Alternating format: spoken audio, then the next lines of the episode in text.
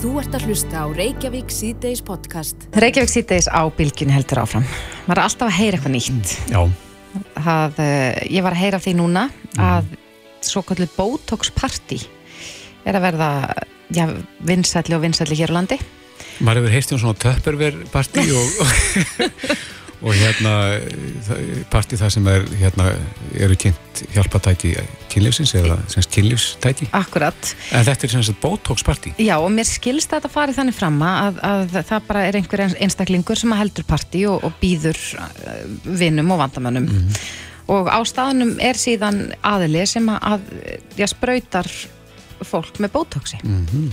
Og við höfum nú áður rætt um Botox hér í þessum þætti, en það var akkurat við hana Jennu Huld Eistensdóttur, húðlækni og húðlæknastöðinni sem er á línunni, kom til sæl. Komið þið sæl. E, að, já, hefur þú heyrt af slíkum partíum, Jenna? Já, maður hefur alltaf heyrt eitthvað af þessum partíum. Maður náttúrulega, eh, þegar maður er að meðhandla svona mikið með bótóksi og þá náttúrulega fær maður að heyra ímislegt mm og heyra að því sem er í gangi. Þannig að jú, jú, þetta hefur verið við líði í langa tíma. Já, þannig að þetta er ekkert nýtt á nálinni, ég er bara fyrst að heyra þessu núna. Þetta er í markkópin greinilega. Já, ó, það gæti verið skýringin. Já, nei, En- nei, þetta hefur maður hefur heyrt af þessu náttúrulega en þetta hefur ekki verið ábyrrandi. Þetta hefur náttúrulega verið svolítið svona höss-höss. Mhm. Og- En af hverju er og- þetta höss-höss? Það er nýjum náttúrulega í rauninni held ég að engin læknir vilji vera þekktu fyrir það að vera að mæta í einhver bótóksparti og, og, og meðhöndla það. Það þykir nú ekki faglegt og, og hérna til fyrirmyndar. En ert að heyra það að þetta séu læknar sem er að mæta í þessi partí? Bæði og. En þú hefur, við höfum áður rætt við þig og ég ég hef lesið uh, um það svona í gegnum tíðina að, að uh, já, ykkur læknum þykir það áhyggjöfni að það séu uh, einstaklingar út í bæ sem eru ekki faglærið í slíku að meðhöndla þessi efni. Heldur að það sama sé upp á teiningnum með þessi partí? Já, því miður þá er, eru ófaglærir einstaklingar sem eru að eh, meðhendla með bótóksi sem er náttúrulega þá kól ólöglegt því að það er einingis á hendi fagaðila eða lítalegna og húlegna og svo framvegi sem meðhendla með bótóksi og það eru, núna er maður að heyra að það er að hvað segja aukast að séu bara ófaglærir einstaklingar að meðhandla með þessu lifi Já. í þessum bótóksparti. Þú segir að þetta er líf, eh, er þetta að fara sér að voða með Botoxi? Það er náttúrulega alltaf hægt að gera einhver mistök alveg sama hvað maður er að gera. Hvað Og getur farið úr skeiðis? Það er svo sem með bótóks er hún frekar örugt, lið og ekki mikið sem getur farið eh, úrskeiðis en ef eitthvað kemur upp á til dæmis að það fer ofnæri aukveða og þú eh, fær svona latt auga í ykkur vikur og svona og getur kannski heftir í vinnu þá er þetta algjörlega ótrýður og færði ekkert náttúrulega út úr neinum sjúkratryggingum eða, eða neitt Akkurat. algjörlega réttindar laus Já, en það hefur auðvitað verið, já, svona rætt um það núna að undanförðna allavega að, að bæði sko bótóks og alls konar fyllefni í varir og annað slikt séu svona frekar vinsæl uh, hér á landi. Er, er, er uh, þarf maður líka að vera með slík réttindi til þess að nota fyllefni eins og með bótóksi? Það liggur nefnilega svolítið vandamáli þarna. Það er liggur hjá heilbyrðis ráðneitinni hér á Íslandi að, að, skerpa á þessu reglum með fyllefni. Því þar vantar í rauninni þetta að það standi skýrt hvaða aðilar meiga meðhendla með uh, fyllefninu. Og þar er við komin í miklu hættulegra efni. Þar getur verið miklu, miklu uh, alvarlegri aukaverkanir ef, að, ef, að það, ef eitthvað kemur upp á. Hvernig þá? Þar getur bara einfallega loka fyrir æðar í andliti sem að náttúrulega veldur blóðleysi þá á, vik- á, í húðina og það getur komið drepa, drepa eða varlega drepa og ör í húðina eða jafnvel blinda. Hvað er í þessum fyllefnum?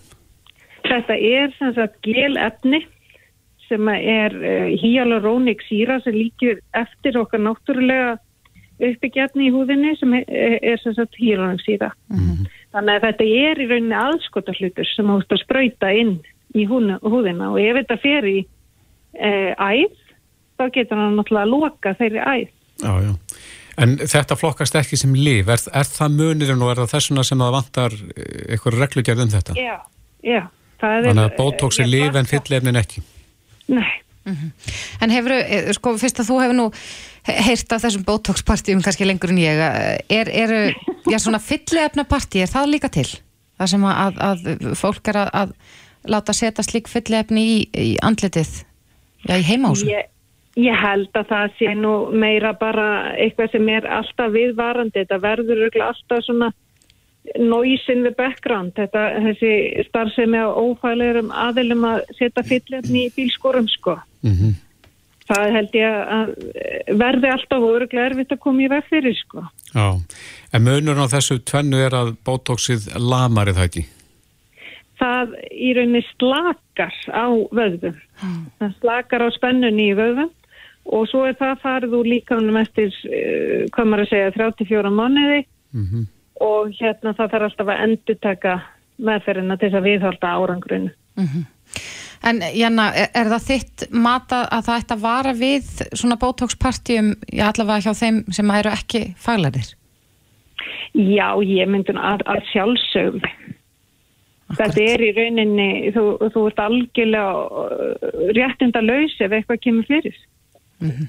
Hverjir, hverjir eru faglæðir í, í svona? Er það bara hjókunarfæðingur og læknar eða? Nei, það er meira þess að uh, mjög stramt með bótósið og það venjir, þess að almennu læknis, þess að með lækningaleifi má ekki meðandla með bótósið. Heldur þetta verður þetta að vera sérfræði mentaði læknar í viðegandi undirsjökunum eins og lítalækningum eða húlækningum og svo framvegis. Já. Já, þetta er áhugavert og vonum að já, einhver sem var að leiði í slikt parti, hugsa sér allavega um. Janna Huld Eistensdóttir, húðleiknir á húðleiknastöðinni. Takk kærlega fyrir. Já, takk fyrir mig. Þú ert að hlusta á Reykjavík C-Days podcast. Reykjavík C-Days á bylginni heldur áfram. Uh, já, það má segja að það hefur verið mjög mikið rætt um framkvæmt kostninga í norðvestur kjörtami. Já. Og alltaf að koma nýjar og nýjar upplýsingar þá nú bara síðast í dag sem að vísir.is held ég alveg örgla hafi greint á því að eða sínt myndir sem voru mhm. teknar þarna eftir talningu í borganissi. Akkurat. Þetta þeitja ný gögn í þessu máli. Já, þar, þarna var einhverja einstaklingur sem allavega virðist af þessum myndum, gengið inn í salin þar sem að kjörgögnum voru geimt og tekið mhm. mynd, mm -hmm. einhver sem að var ekki í, í kjörstjórn þarna. Mm -hmm.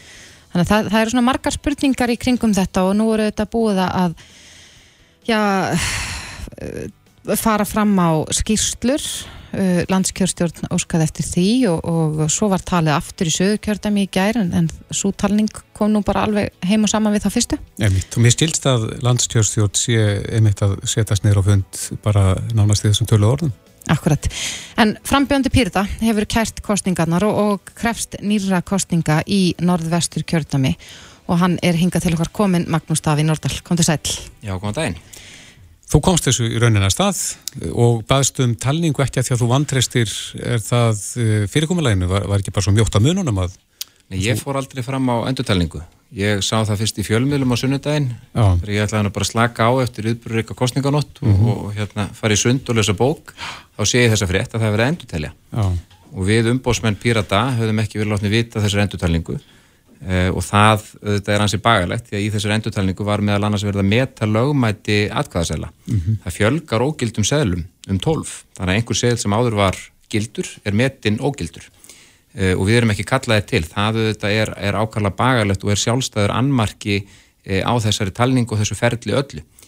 Uh, hinn annmarkin, því að ég hef nú aðalega bent á tvo annmarka, er auðvitað sá að formaður yfirkjörstjórnar hefur sagt það og viðkjönd það að hafa broti lög með því að hafa ekki innsiklað kjörgögnin og hann hefur sagt að það hafi verið hefð og hann hafi farið eftir einhverju hefð en ekki eftir skýrum lagana bókstaf í kostningarlögum Uh, og það, þetta finnst mér vera eitt af aðalatrunum vegna þess að hvernig á ég sem frambjóðandi og hvernig ég að kjósendur í kjördaminu að trista því að fram hafi farið heiðarlegar og sangjarnar kostningar þegar að sá sem að stýrir ferlinu hefur viðþorfa þessu tægi, hann brítur lög hann verðist telja það í lægi að bróta lög og hann vísar í einhverja hefð vegna þess að í öllu þessu ferli kostningaferli, þá er náttúrulega verið að taka ákvarnir jæmt og þjætt um, það er óvænt aðtök sem kom upp hvernig á að gera þetta, hvernig á að gera hitt.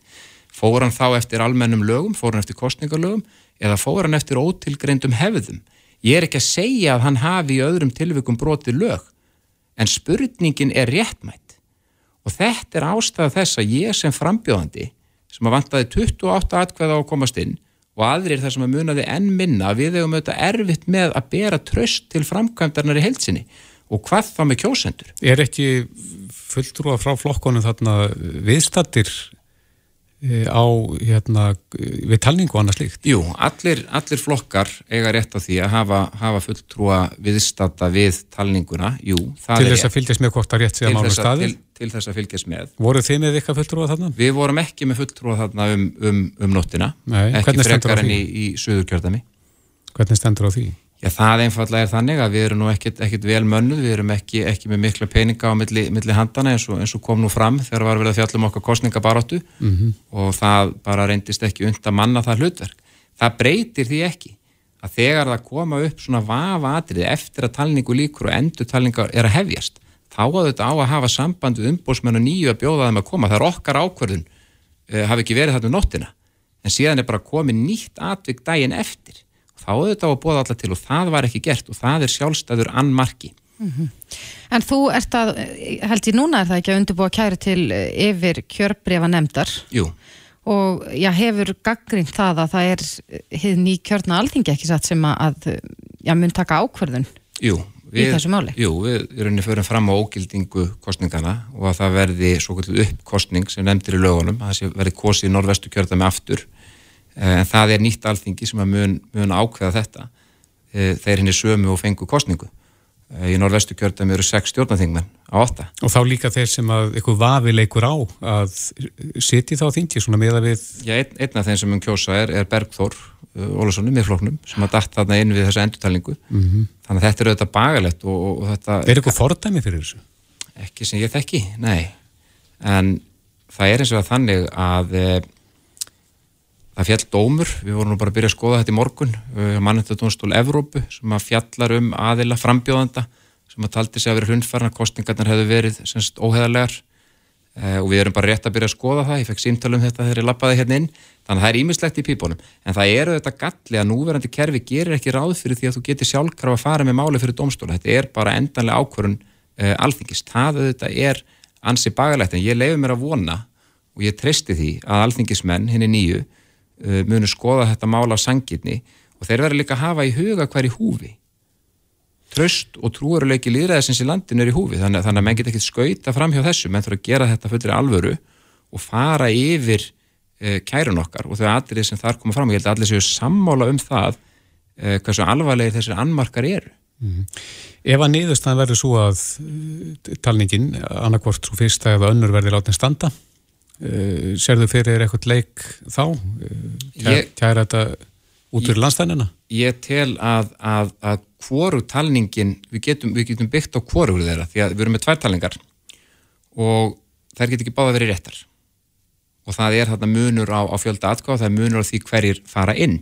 E, það liggur fyrir að vörslur uh, kjörgagna voru ekki tryggar, gagnin voru ekki innsikluð á þessum tíma sem leið þarna á milli, þannig að það er alveg sama hversu oft við teljum aðkvæðin e, það var þarna brestur á vörslum gagnana og því verður ekki breytt úr þessu þannig að við getum ekki lengur sannreint hvort talningin hafi verið rétt jafnveg þó við teljum aftur mm -hmm. En, en sko, fyrsta talningin það, það var auðvitað áður en að já, farið var frá kjörgögnum og þau skilin eftir þarna á hótelinu Já, Væri er, hún þá réttari en, en svo síðari já, að þínu mati? Já, ég skal svara svo þannig að ef að hérna kjörgögnin hefði verið innsugluð eftir að þessar upphæfluð talningu lög og vörslur þeirra treyð, þá getur við náttúrulega bara talið atkvæðan aftur og sannreinda mm -hmm. og til þessi er nú líka lögin.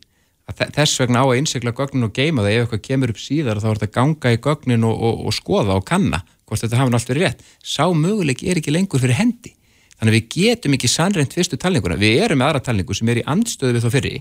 Eina leiðin út úr þessum vandraðum er að kjósa upp á nýtt. Ég sé það bara ekki öðruvísi. En það hefur verið rætt um það að ef að kósi verður upp á nýtt í þessu eina kjördæmi að þá muni, já kjósendur kjósa öðruvísi. Að þeir muni þá vita svona nokkur en hvernig tölurnar voru fyrir sest, í þessum tölum og, og já, kannski vera eins strategískara til þess að reyna að ná inn fólki Já, það, það er tvent í þessu. Sko í fyrsta lagi þá gera lögin ráð fyrir uppkostningu. Að það geti verið nýkostning í einu eða fleiri kjördum engungu og ekki þeim öllum saman. Þannig að lögin einfallega gera ráð fyrir þetta sé hægt og við höfum að fara upp til lögunum. Ég er eins og alveg sammála því að svo staða geti komið upp að kjósendur færu að kjósa taktist, hvað svo sem það nákvæmlega þýðir, mm -hmm. hvað munu til dæmis kjósendur hérna sósélista flokksins gera, þar sem að, þú veist, vorum við heldur að vera með 4% í kjördaminu, munu þeir kjósa einhvern annan flokk framsólfægt þrjá mennin munu mun, mun, menn eh, munu færri aðeins kjósa það er svo margt sem getur komið upp. Þannig að ég skil alveg þau sjónamið hjá mörgum að ef að þá kjósa eftir norðvestur þá er það bara kjósa öllu landun aftur. Ég finnst það í rauninni eðlilegu sangjörn krafa en, en lagana bókstafur er sá sem hann er. Akkurat. Já, það, eins og við höfum sagt hérna bæði í dag og í gera að ekki eru öll kvöld komandi grafar þarna og maður fylgist áfram með þessu máli. Magnús Daví Nordal Takk kærlega fyrir komuna. Kæra það ekki, gaman að koma. Þetta er Reykjavík C-Days podcast. Jæja, nú ætlum við aðeins að huga veðrinu. Mm -hmm. um, já, veturinn skall á má segja. Að fullum þunga. Að fullum þunga og ég heyrði í hátægisfrættum bylgjunara að veðurfræðingur uh, hjá Veðstof Íslands held ég alveg örglas að þetta væri bara verulega óvenjulegt fyrir þannan ástíma. Einmitt. Að uh, þetta fár viðri sem að hefur verið og, og eins og við heyrðum í gæra þá var óvissustígi almannavarnalist yfir mm -hmm. svo bárst réttur að því að sögð á, á, á króknum er mm -hmm. svo til hætt að renna sem að þýðir vantalega að það sé komin krabbi eða krabba stípla mm -hmm. en uh, við erum komin í samband við mann sem að veit nú nákvæmlega hvernig staðan er núna Linur Snorarsson lauruglumar á Ísafyrð og ég aðgjara stjórn almannavarna, kom til sæl Sæl Er veðrið að ganga niður hjá ykkur? Nei, það er sennilega eh, viðurhæðin sennilega í hámarki núna hjá okkur. Eða svona því sem næst. Já. Og núna bara fyrir glökkutíma síðan að þá þá uh, komu allmörg verkefni upp hérna í skutursfyrri á þrýja tök Getur þú nefnt okkur dæmi um, um verkefnin? Já, það er um, skúta, skúta í höfninni sem að sem að hérna bara í stuttan í uh, báta og, og hérna skemmtist mm -hmm. uh, það plötur svona lausamunir nokkur uh, í morgun þá, þá var vittist vera að veðurhæðin var að vera töluverði í Bólungavík og það voru allsmörg verkefni hjá bjögumsveitinni Erni þar Já. síðan verist að dúra þar og og síðan er þetta skottið á hérna í skutursfjöri þannig eins og við segir það voru á þrýðartug verkefna sem að björgunarsittir hér hafa verið að fást við Og fylgir þessu snjókoma? Nei, ekki svo mingil þetta er svona, er svona slitta svona, já Einmitt. En e, þið settu þarna tilkynningu inn á fjörsbókarsýðin eitthvað þar sem að þið e, sögðuð að sögð á, væri hægt að rennað mestu?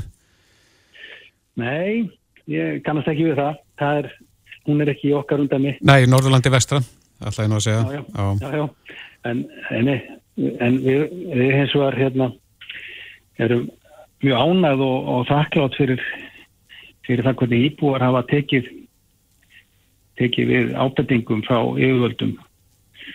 Uh, það eru fáir á ferli og fólk verðist hafa svona haldið sér heima við mm -hmm. þeir sem hafa getað og, og hérna þannig að það er lítið um það að björgunarsittur hafa þetta aðstofað fólk á, á ferðinni Hvað eru margir björgunarsittar menna störfum núna? Eða viðbrasaðilar? Uh, ég er ekki með nákvæmlega töl á því en, en þeir eru þarna að skipta tögum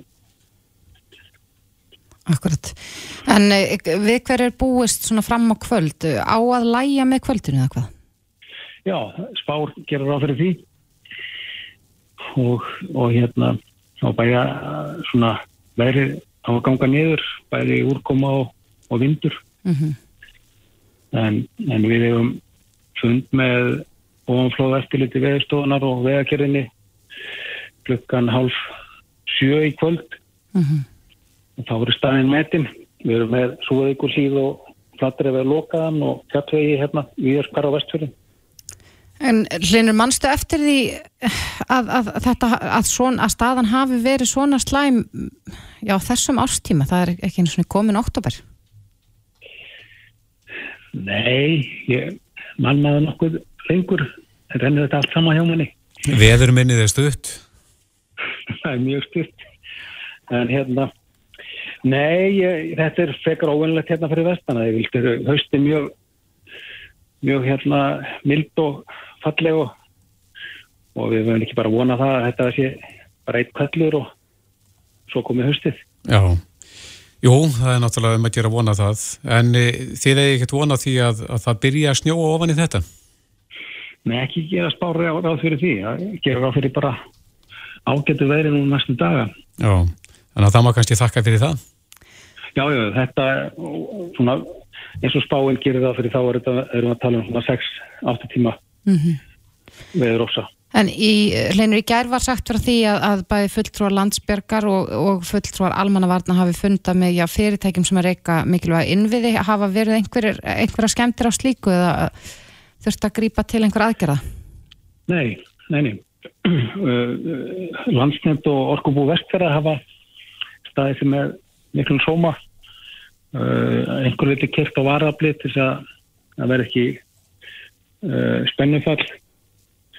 En, en við höfum svona að mestuleiti verið með rafmagn alveg stöðut Já, það er mjög gott að heyra. Akkurat uh, Hlinur Snorarsson, lauruglumadur á Ísafyrði og í aðgerastjórn Almanvarna bara þakka að kærlega fyrir og óskum ykkur allsins besta í kvöld. Takk, takk fyrir það Reykjavík síðdeis á Bilginni podcast Reykjavík sýtis á bylgjunni heldur áfram. Við erum svona búin að vera að tala eins um uh, niðurstöðu alþingiskostningana sem fóru fram á lögadaginn. Já, og menna var svona verið að reyna að lesa í það. Eh, hvað má lesa út úr þessum niðurstöðum? Mm -hmm. Það sem að kannanir síndu svona rétt fyrir kostningar að það var einhverju vinstri svepla í gangi en síðan eh, eru niðurstöðu kostningarnar á allt annað veg. Akkurat. En já, miðflokkurinn tapaði nokkrum þingmönnum þarna já. í þessari kostningu og Sigmundur Davík Gunnlaugsson formaður miðflokksinn sagði hér um helgina að eh, niðursta kostningana væru óvandustu kostningaúrslit sem að hann hefur upplifað. Mm -hmm. Og Sigmundur Davík er á línunu, kom til sæl. Komið sæl. Já, nú eru, eru, eru nokkru dagar liðnir frá kjördegi. Hvernig metur þú stöðuna þegar ríkiði fara að setjast? Já, sko, áður fyrir mig að reyna að greina stöðuna sem er reyndar mjög áhugavert áhugavert að því sér að þá er það góða við líðræðin að prósundur geta aldrei haft rátt fyrir sér. Mm -hmm. þannig að menn verða bara alltaf að sætta sig um niðurstöðuna eins og hann leikur fyrir og ég óska öllum sögurverðum kostningana og sérstaklega nýjum þingmálum til hamingju. Það er mjög gaman að setja þetta þing í fyrsta skipti. Margir að gera það núna þannig að ég, ég óskaði til hammingi með, með þennan árangur. Mm -hmm. en þetta voru já eins og, eins og þið nefndu það náðan óvæntust úslit sem að ég hef upplifað uh, á Íslandi eða Erlendis. Og einsum ástæðum. Uh, í fyrsta lagi uh, vegna þess að ég hef aldrei skinnjað eins mikið möðun á stemningu rétt fyrir kostningar og svo kostningunum sjálfum og þá er náttúrulega fyrst og fremst að tala um, um minn flokk en, en úslit annar flokk koma líka á marganátt mjög verulega ávart en, en hjá okkur en, það var bara gríðarlega stemning fullt hús á öllum fundum að það hefði aldrei séð jafnmörg nýja andlit. Og kannanir hafðu loksins verið að pærast í rétt átt rátt fyrir að hafa verið svona sömur hverjar að að skemma stemninguna fyrir okkur. En tökum bara sem dæmi mitt kjörtami norðusti kjörtami þar vorum við fyrir síðustu kostningar með 13,4% gallup kvöldi fyrir kjördag. Við fengum 18,6. Eh, kvöldi fyrir þennan kjördag vorum við 14,0%. Við í staðis að bæta við okkur, við mistum í rauninni jafn mikið og við bættum við okkur á konuninni kostningarnar áður.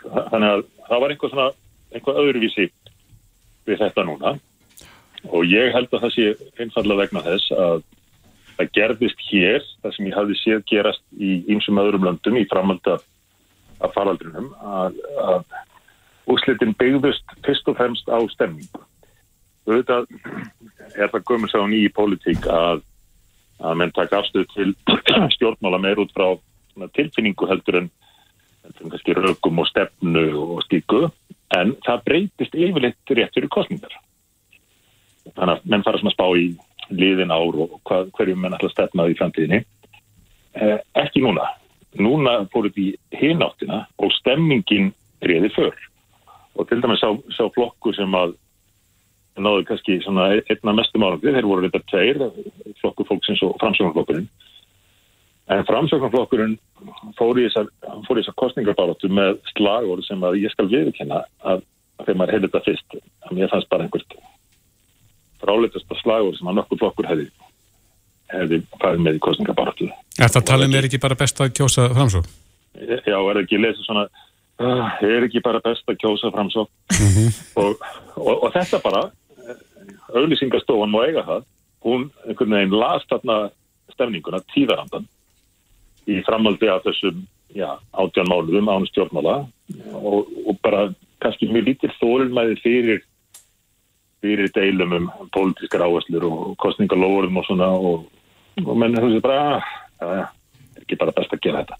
Og, og sérstaklega þegar ég sá fréttinar á stöðsvö og, og reyndar á ríkissjónartunum líka kvöldi kjördags og sá að bara, ég held meiri hluti þeirra sem voru að fara inn að kjósa mættu á kjörstað af því sem var talaði, mættu á kjörstað og hvernig og ætluðu bara ákvæða sig í, í kjörklefanum. Þá svona fór ég að hafa áhyggjur. Akkurat, en Sigmundur, hvað heldur að valdi því? Núna voru uh, mjög margir flokkar í frambóði og, og það var svo sem tala líka um það hérna fyrir kostningar að já, upplýsingarnar uh, voru kannski yfir þá miklar uh, sem að maður fekk úr, úr öllum fjölumilum og greinaskrifum og, og var kannski erfitt að já, átta sér á stöðunni, eða hvað? Já, já, ég held það sjálfur rétt.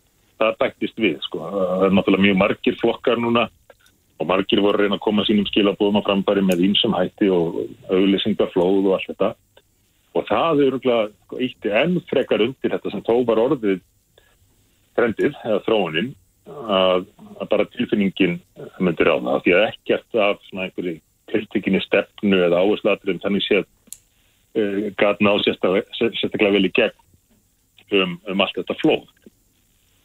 Þannig að þetta voru óvinnlegar kostningar af, mörgum ástæðum það eru óvinnlegar að þér koma í beinu framalda þessu COVID-i og, mjög takmarkar í stjórnmálumræði landinu, það koma á óvinnlegum tíma ásins og svo þetta mikla flóð upplýsinga og allt svona helst út í hendur við það að, að, að eh, gera þetta bara að kostningum þar sem að tilfinningin er ég við þör.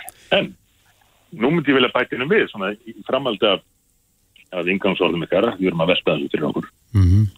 uh, ég er nefnilega ekki sammála því sem að hefur sínist til dæmis sjálfstæðismenn vilja leggja áslá að það hefur verið komið í vekk fyrir einhverja vinstisöfla niðurstaðan á þessum kostningum er mesta vinstisöfla íslenskrar stjórnmálasögu. Hvernig skýrir það?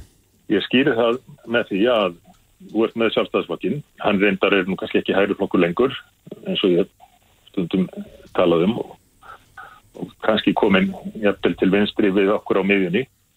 En uh, framsáknarflokkurinn uh, var fyrir löngu byrjar að keppa fyrst og fremst í samfélkinguna og ég er ekki að byrja bara að tólka þetta svona núna, ég er búin að benda á þetta nokkuð lengi. Þegar mér er sér fenguð fyrir um frambjöðundur samfélkingarinnar á listahjási til þess að undirstryka þetta. Og það er alveg rétt hjá össuri skarpiðansinni sem, sem að stundum getur nú greint um politíkin ágjörlega þetta og þetta að framsókn hefði rauninni bara tekið uh, bara fælt sig mjög hratt til vinstri og, og orðið svona sósjaldemokratisk flokk og, stólið trömun eins og norðaða af samfélkingunni þannig að þegar allt er talið og, og, og alvar síðu verið kostningarna flokkur fólksins sem er náttúrulega ótvirætt vinstriflokkur þá hefur aldrei verið eins mikil vinstri sveifla í íslensku pólitík eins og núna. Þetta er miklu meira en til dæmis 2009. Já, en það hefur líka verið talað um það að, að þinn flokku var náttúrulega til sem klopningur og framsóknarflokknum á sínu tíma að, að menn tala um það að þar hafi framsóknarmennir stílað sér heim aftur Já, ég, ég veit allavega að það var þingt í ymsa flokksmenn og reynt að fá til þess. Ég veit ekki hvernig, hvernig menn svo endanum greitu aðkvæði í, í kjörklefanum en það var þá ánægilegt að sjá eða heyra af nýjustu tölum hjá okkur núna að eftir kostningarnar hefur fjölgaði flokknum en ekki fækkað. En nú frekar fegin því eftir, eftir þess að tölurinn er ekki reynda bara framsvonflokksins heldur annar flokka til þess að til að fá fólk um, til þess að svona uh, koma með strömmnum og, og, og í aðra flokka þannig að það er tröstmikjant upp á framhaldið og eins og ég nefndi hérna áðan líka stemningin í aðdrand þessar kostninga og vinnan hjá fólkinu sem maður hitti um alland var slík að ég hef engar ágjur af því að þegar að þegar að vindarnir uh, seflast eins og þeir gera nú alltaf þá verður við vel í stakkbúin til þess að til að sigla Já, en uh, já, segmundur niðurstaðan er hins vegar uh, svo að þingflokkur miðflokksins er að skreppa verulega saman. Þeir náðu sjömanum á þingar 2017 og, og fenguðu þetta liðstyrkarna frá flokki fólksins ára 2018 en nú náðu þinn þremur mönnum. Þetta hlýtur að gefa svona ágæta vísbendingu fyrir ykkur sem flokk og, og hver eru næstu skref hjá þér til dæmi sem formanni flokksins? Næstu skref eru að, að vinna með þessum tryggjamanna þingflokki og, eh, og láta finna vel fyrir okkur á þinginu og í stjórnmála umræðinni. Þannig að er ekki alltaf sko, sama sem er ekki meðli árangus og þess hversu marga þingmenn menn hafa. Það er nú bara mjög stöðt að það var í, í þessirstu kostningum sem samfélkingin sem áttu nú að verða yfir 50 postflokkur. Samfélkingin fekk frjá þingmenn og í kostningurum þar á eftir uh, meir en tvöfölduðu fylgir og þingmannaföldan og það er svolítið merkilegt er mitt að samfélkingin náði meiri árangur í kostningu með þrjáþingmenn heldur með sjöþingmenn núna síðast. Sigurveri kostningana flokkur fólksins var eins og nefndir fyrir að koma að kostningu með, með tvoþingmenn. Það er hægt að gera ímslegt með, með öflugum þryggjamanna þingflokki og við höfum mjög mikilvæga sérstöðu sem er nú aldrei störf á núna í, í politíkinni Eh, þegar við horfum fram á áframhaldi eh, samstarf eh, nú vonandi stjórnarflokka þar sem ég hugsa að sjálfstæðslokkurinn muni bara reyna áfram að spila þá taktík að að láta sig hafa eitt og annað til þess að til að geta verið með og vonast til þess að, að hlutinni breytist. Þannig að það verður engar, engar sérstakar pólitískar áherslur hjá þessari ríkistjórn það verður engin uh, sérstök ný sín á hvernig það sé hægt að breyta samfélaginu. Þetta verður áframhaldandi kerfistjón og, og þá eru við mótvæðið við það. Mm. En segjum þetta, það var einn hlustandi sem var hringt inn í símatíma áðan og var mjög spenntu fyrir þeim möguleik að uh, sjálfstæðisflokkur og framsóknættu nú að segja stíli við uh, vinstri græna og uh, ekki að taka ykkur um borð og fá ykkur með ríkistjón, heldur að fá ykkur til að verja þá ríkistjórn framsórnaflokks og sjálfstæðisflokks falli.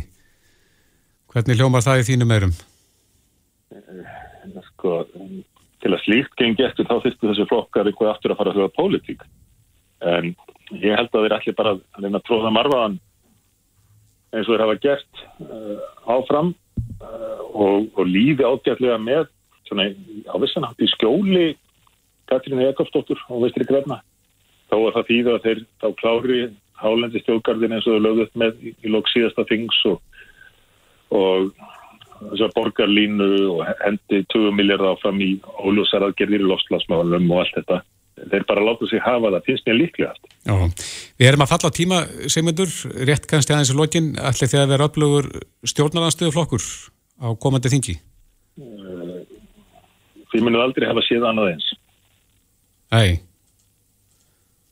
Já. Þetta verður þrýr, þrýr vaskir þingmenn sem að munu, munu láta til þessum taka, munu hafa mikla sérstöði í politíkinni, halda ríkistöndunum við efnið en einnig bjóða upp á raunverulegar lausnir og politík. Já. Já. Takk kærlega fyrir þetta, segmundur Davíð Gunnlarsson, formadur miðflokksins. Takk sem leiðis. Reykjavík síðdeis á bylginni. Ja, það eru margra augu og hugur við uh, kostningarnar uh, um síðustu helgi. Það var eitt sem að hlustandi sem að senda okkur hérna, Jóhannes uh, Gunnarsson, hann senda okkur línu þar sem hann var að förða sig á því að og sagði að það hefði ekki aðtekli sín að það voru einhver lauruglumenn á kostningastöðunum Korki Grafavogi eða Breitholti sem hann fór á og hún fannst líka undarlegt að sjá að kjörkassarnir þeir fóru frá kjörstöðunum með sendibílum en ekki með lögreglu eins og margir þekkja hér frá því í gamla daga. Og það er spurning hvernig stendur á þessu. Kristín Edvald, formaður landstjórnstjórnar er á línu, kom til sæl. Kom til sæl. Já, það eru margir að förða sig á þessu greinilega sem að, sem að svona sakna kannski viðveru lauruglumanna á kjörstöðum. Já, akkurat og Íslandingum kannski þóttar líka svolítið hátilegt að sjá á kjördag laurugluna í hátíðabúning með hvita hanska Já. og kjörstöð. Einmitt. En ástæðan er svo, árið 2009 þá gerði ÖSI aðtöðasemtir við þáttöku lauruglunar í kostningunum. Það er að segja að lauruglan væri að flytja kjörkassa og eins að lauruglan væri að taka þátt í og aðstóða á svona fyrstu stegum talningar. Verða viðstættir þegar kassarnir væri opnaðir og, og hella atkvæðunum úr þeim. Já, þannig að það þótti ekki æskilegt að mati össi. Nei, ekki að það væri að lauruglan hefði svona afskipti af kostningunum. Já. Og það er ástæðan. Og hvena var þessu síðan breytt? Þess að hvena voru lauruglumenn fjarlægðir af kjörstöðum að segja? Aðtjóðsendum kom svo sagt 2009. Já, og var það bara eftir það sem að breytt fyrirkomulega var? Já. En þetta með að flytja kjörgögna því að nú er þetta viðkvæm gögn og, og mörgum þykir kannski eðlilegra að þau séu tryggð með, með af lauruglu? Já, en það er náttúrulega bara ekki heimilt. Nei, það, það er sama sem gildir það, þannig að sendibílar eru, eru notaður undir það. Já, akkurat. Og það össi gerði þess að aðtöðasendir við það að lauruglan væri að flytja atkvæða á milli. Já, já. Væntalega af gildri ástæðu? Já, væntal, væntalega er það nú þannig að, að aðstæður hér á Íslandi eru öðruvísi heldur en í mörgum öðrum ríkjum í heiminu. Mm -hmm. Akkurat.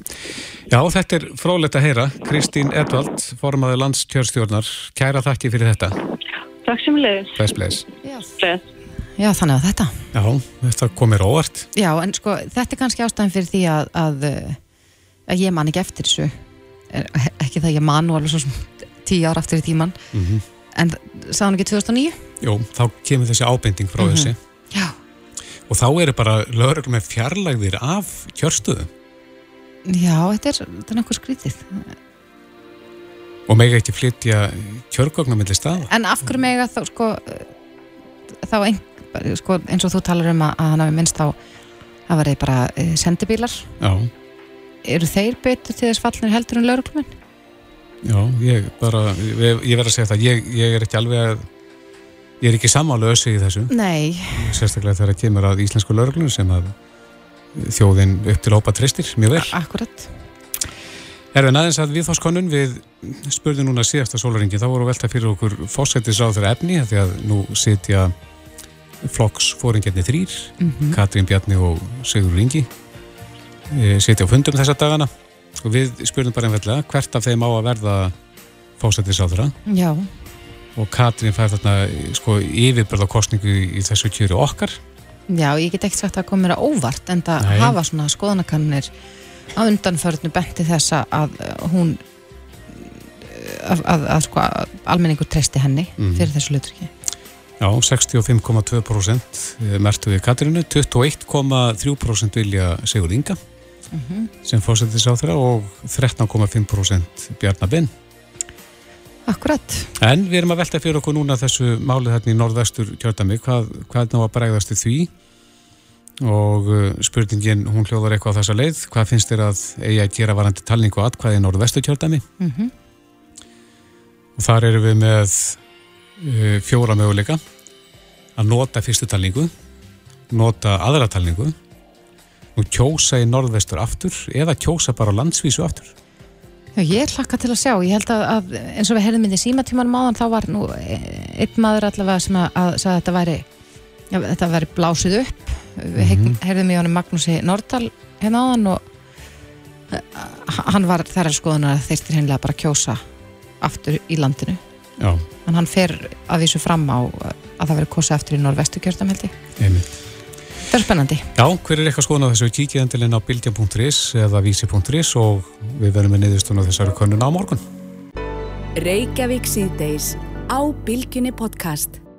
Það er fátt í frettum í dag annað en niðurstöður kostningarna.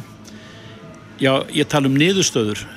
Það er kannski líka ekki allar ljósar fyrir, þar að segja í þeirri mynd sem að til þarf eh, til að sérnum farið eftir öllum lögum og reglum en, en hvaðum það, það er eitt kjördæmið sem að e, sittur eftir svona já, með ágreiningin einan og, og það margskonar ágreining en, en það, er norð, það er norðvestur kjördami og uh, hlutskipti fimm frambjóðanda var að vera inni um stutta, í stuttastund þar að segja vera orðin þingmaður samkvæmt öllum lögum og reglum í nokkra mínundur og svo var svo kom hljóp snurða á þráðinn og, og það eru marga skýringar á lofti. Guðmundur Gunnarsson frambjóðandi viðræstnar er einn af þeim sem að hefur eðlilega tjási um málið.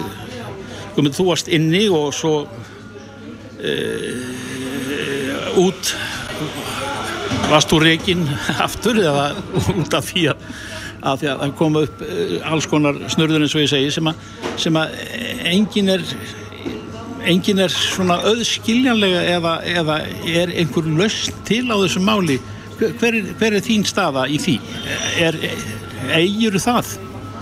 Hvernig það geti farið fram þannig að fylsta jöfnuðar sé, sé gætt og, og öllum þeim reglum og með tilherrandi nefndum og ég veit ekki hvað og hvað. Stjórnsýslan er að bjástra við þetta það eru margar rættir á lofti Já, þetta er náttúrulega skrítið stað að vera í sko. Ég er nokkið gammal maður en, en hérna, maður er nú lendi í ymsu en ég man nú ekki eftir að hafa lendi í, í svona nokkur. Maður, maður var í rauninni orðið þingmaður hérna í einhverja klukkutíma og einhver staðar í Ísafjörðardjúpinu uh, hérna daginn eftir kostningar þá fær maður þessa tilkynningum að það sé verið að tellja aftur og, og þannig að maður brunaði borgarnist til, til að vera þar hérna viðstættur og þetta er rauninni bara niðurstaðan hvort það sé eitthvað lausn í, í sjónmáli ef ég á bara að vera alveg heiðalegu núna þegar maður er aðeins svona að melda þetta.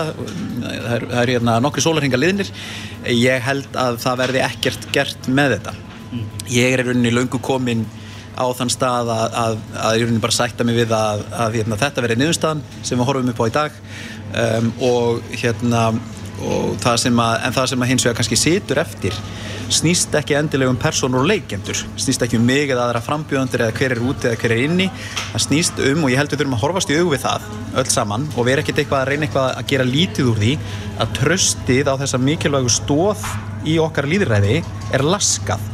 Og ég segi laskað vegna þess að það sér það hver maður eða kona í hendi sér að um, það eru okkur lög og reglur sem gildaðum þetta ferli og ef maður ber það saman við ummæli formans yfirkjörstjórnar sem maður hefur verið í, í öllum fjölmiðlum að tjá sig mjög ógætilega verður maður að segja að þá fyrir ekkert á milli mála að þarna voru menn bara ekkert að fara eftir, fara eftir reglunum, menn voru ekki að gera það sem þeim eru upp á lagt í þessum mikilvæga ferli. Og það er bara ótrúlega mörgum spurningum ósvarað um hvað gerðist eftir að talningu líkur og þanga til að þessari setni talningu sem nú er látin gilda hanga til henni líkur þarna eru bara ótrúlega margir óvissu þættir sem að, að hérna, opna fyrir þann möguleika að þarna sé einfallega verða að hafa rámt við. Og því þurfum við, þurfum að fá niðurstöð í það mál. Mm. og, og, hérna, og ég mun ekki líka á mínu liði með að fá það í gegn þó að það breyti í rauninni ekki niðurstöðin ég held þetta verði svona, svona dæmikilt mál svona í, í dægurþrasinu. Við munum við að neyksla stáðu sem núna í nokkra daga á kaffestónum og, og hérna svo um, munir menn lof, lofa bót og beturinn, það þarf að fara yfir ferla en það mun engin axla ábyrð og, og svo höldum við bara áfram og þetta verður gleipt eftir nokkra máliði en ég ætla hins vegar ekki að láta mitt eftir líka um að sækja í rauninni að við getum endur og það sem vakir fyrir mér er að við verðum að endur við geta tröst ég veit að fólki mitt heima í kjörtaminu allt það fólk sem ég tala við og fólk út um allt samfélagið það hefur mist þá miklu trú vegna þess að við trúum á þetta kerfi og treystum því En það, það, en, það er mjög alvarlegur hlutur það er grafalvarlegu hlutur og ég held að við þurfum að fara að hætta að einblýna á frambjóðundur og hver sé úti og hver sé inni og fara að veltaði fyrir okkur hvaða áhrif hefur þetta á það að við sem kjósendur mm. og við sem bara venjulegt fólk út í bæ getum treyst í að þegar við greiðum atkvæði og þegar við förum í gegnum þetta gríðarlega mikilvæga líðræðslega ferli að við getum treyst í að, að menn sé að fara eftir reglunum og menn sé að, að, hérna, að hlýða þeim alveg út í hörgur því að það er ekki, það er ekki bara það þessi ákvörunum að fara í endurtalningu það er, það er þetta með innsiklin það er þetta með læstarýmið það er þetta með hver var á staðnum hver var bóðaður, það eru ótal spurningar sem við höfum listað upp í beinum, í, í, í beinum greinagerð frá yfirkjörstjórn og landskjörstjórn sem er bara reynlega ósvarað. Og við vitum svörin við nokkrum þeirra og það eru alltaf að koma fleiri og fleiri punktar upp sem að gefa okkur ekki bara vísbendingar heldur bara staðfestingu á að það fer ekki saman það sem stendur í, í reglunum það sem formaður yfirkjörstjórnar segir mm. og síðan hver staðrind málsins er og það er grav alvarlegu hlutur En er þetta ekki, býður þetta ekki heim uh, þeim grun, svo ekki sem dýbra tekið í árinni að, að svona hefur þetta alltaf verið og hver, hver maður hefur haft sinnhátt á í héradi og þetta er búið að vera svona gegnum tíðina og, og ég get ekki annað sagt en að ég gerði mitt besta. Er ekki þetta þessi gamaldags formúla viðhörð Jú, þetta er, þetta er náttúrulega sér íslenskt held ég. Uh, og við verðum bara að fara að láta af þessu. Við þurfum að fara að hætta að, að, að hérna þessum eh, þúpna hugsunar hættu um að við getum umgengist grunnstóð líðræðisins með einhverju fúski og með einhverju svona hérna e, þetta er nú góður vinnu minn þarna sem er nú að gera sitt besta og, og hérna hann var nú í, í góðri trú. Við verðum að fara að vanda okkur. Það er ekki bara þetta kerfi, það eru mörg kerfi þar sem við verðum bara að fara að horfast í augu við að við verðum að fara að vinna faglega. Ef við ætlum að láta taka okkur alvarlega ef við ætlum að verja þessa grunnstóðir þá verðum við að fara að vinna faglega. Ég allavega fyrir mitt leiti ég treysti þessu kerfi. Ég ber mikla virðingu fyrir því ég er búin að vinna ötulega að því að láta þennan draumin rætast frá því upphafi sumars. Og alla séð fjölskylduna mína og haft gríðarlega gaman að því. Stórkostlegt sumar og gríðarlega skemmtilegt að taka þátt í kostningabaratu en ég hef mist alla trú á því hvernig staðið er að framkvæmdini að minnstakosti í mínu kjörtami norvestur kjörtami vegna þess einfallega að ég treysti því ekki að menn séu að vanda sig. Guðmundur Gunnarsson uh, þú er sanns að þetta er aðrunlaus og mér, mér þykir þú uh, nokkuð yfirvegaður, yfirvegaður að, að, að henda þessari hugmyndafræði fyrir róða og, og, og, og taka bíti þetta súra eppli en, en, en það er nú nokkuð súrt ef þú stendur eftir slipur og snöður nánast og atvinnulegs eftir þetta. Er rauninni, ég stend alltaf ekki eftir slipur og snöður ég náttúrulega, þetta er gríðarlega reynsla ótrúlega skemmtilegu tími. Nú þekk ég kjörðum mitt út og einn, ég er búin að kynast ótrúlega skemmtilegu og góðu fólki og hérna það koma önnu tækifæri maður. Nú skrá ég bara atvinnulegsson á morgun, með skilstreyndar að, að svo upphæð er eitthvað örlítil lægri en þingparakaup er það ekki? en við bara, við bara byrjum þar og það, það er nú bara þannig með hérna, held ég allavega eins og, eins og mitt líf hefur verið hingað til og þeir sem hafa kannski fylst með mínum dansi bæði fyrir vestan og víðar að, að það kom alltaf upp eitthvað skemmtilegt tækifæri og svo hefst bara einhver annar dans og, og aðalatrið er bara þorkir að maður finna eitthvað sem maður nærir ástriðinu Guðmundur Gunnarsson frambjóðandi eh, já, og, og þingmaður í klukktíma og, og út aftur og, og tekur þessum í afnaði gerið eftir raukfasta hugsun. Eh, við óskuðum bara velgengni. Gæra takkir Hlustaðu hvena sem er á Reykjavík C-Days podcast. Jæja, Reykjavík C-Days veðrið eins og það er og hefur verið mjög slemt að sé víða. Ég hristi bara hausinn Já. Það er bara 28. Eh, september. Einmitt. Ég er ekki alveg tilbúin í þetta. Nei, næstu farin að spá núna í dekkjastifti? Nei, veistu það, ég er nokkuð vissum það að við mannfólkið skiptumst í tvent. Það er annars verð þeir sem að, að eh, sko fatta það loksins að setja vetradekkjur undir þegar eil orðið og seint mm -hmm. og svo þeir sem eru svona, já ok, nú fer að vetra besta panta sér tíma. Já. Þú hefur alveg streitt fyrir þér. Já, ég gæti verið. Það er spurning hversu margir hafi vaknað upp í vondan draum núna. Akkurat. Sérstaklega þeir sem þurfa kannski að fara um lengri veg. Mm -hmm. Á línunni er Dagur Benónisson. Forstuðumöður bílaþjónustu hjá en einum. Kontu sæl, Dagur.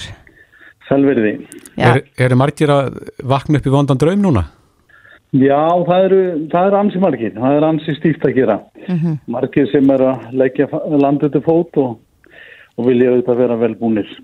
Já, en, en heldur þetta sí, það var nú bara ágiskun hjá mér í náðan með, með að við skiptum svona í tvent, en er það ekki oft þannig að, að já, síminn hættir ekki að ringja hjá ykkur sko, þessa daga sem að, að veturinn vissulega skellur á? Jú, það er nú eh, oft þannig að hérna veturinn vil nú oft koma svona frekar í bækið á okkur og, og þá gerum við allt til þess að koma dekkjumundi bílinn. Já, hvað er... Það er raunin núna. Einmitt, en hvað er í bóði í því? Er þetta alltaf það sama? Hardkorna, vetradekk, nagladekk? Nei, það er nú mikil þróun í þessu og mikið í bóði að virkilega góðum ónaglanlegum vetradekkjum. Já, hvað er í bóðið þar? En svona þeir sem er að fara út á land og vilja vera öryggir, velja naglana. Já. En eh, svo náttúrulega þeir sem eru mest í bænum, velja mm. óneld góð vetradekk. Já, gróf munstruð. Með ekki endilega, ekki endilega. Mm -hmm. En svo mittilín eru með svona sérstaklega hönnuð fínskórin dekk sem að hérna eru mjög vinsal í dag. Já, ég rakst á einhverju auglýsingu einna fyrir dag þar sem að er verið að spyrja okkur þurfum við virkilega nakla dekkamari að spyrja sig þeirra spurningar finnir þið mun, er, er fólk að færa sig frá nakla dekkinum og yfir á eitthvað annað? Nei, ekki svo mikið við, en hérna við leggjum þetta svona frekar í hendurnar á konunum að velja fólk að okkar mati á fólk bara auðvitað að velja það sem það er öruð á mm -hmm. en en Já, eins og ég segi, þetta skiptist nú mikið þannig að þeir sem eru mikið innanbæðar velja óneglanlegt uh, og þeir sem eru að fara út á land er án eldu frekar. Já, hvað er vinsalast hjá ykkur? Mitsilín eru vinsalast þetta ekki hjá okkur. Er það óneld þá? Uh, bæð og, við bjóðum upp bæði óneld og neld mm. frá þeim. En finnir þið fyrir á þessum degi eins og í dag, finnir þið fyrir aukinni trafík? heldur betur. Það er allt á golfi. Þarf að panta tíma? Já, við ráðlegjum öllum að panta tíma. En uh, fólki líka velkomið að koma til okkar, skilja bílinn eftir, ná í hann samdægus eða daginn eftir. Já, við bjóðum upp á ímsæðunustu. Já. En er ekki þarna dagur svolítið farið að færast í aukana að fólk sé að panta sér bara tíma á netinu með einhverjum daggóðum fyrirvara? og eigi Jú. bara sinn tíma bókaðan. Er, eru fleiri farnir að velja þá leið? Það eru mjög margir sem velja þá leið og við hvetjum allar til að velja þá leið. Já, það er þægilegst fyrir alla. Þægilegst fyrir alla, já. Mm -hmm. Dagur Benóninsson, fórstuðum að bílaþjónustu hjá N1. Kæra þakki fyrir þetta. Takk mjög, skella. Þetta er Reykjavík C-Days podcast.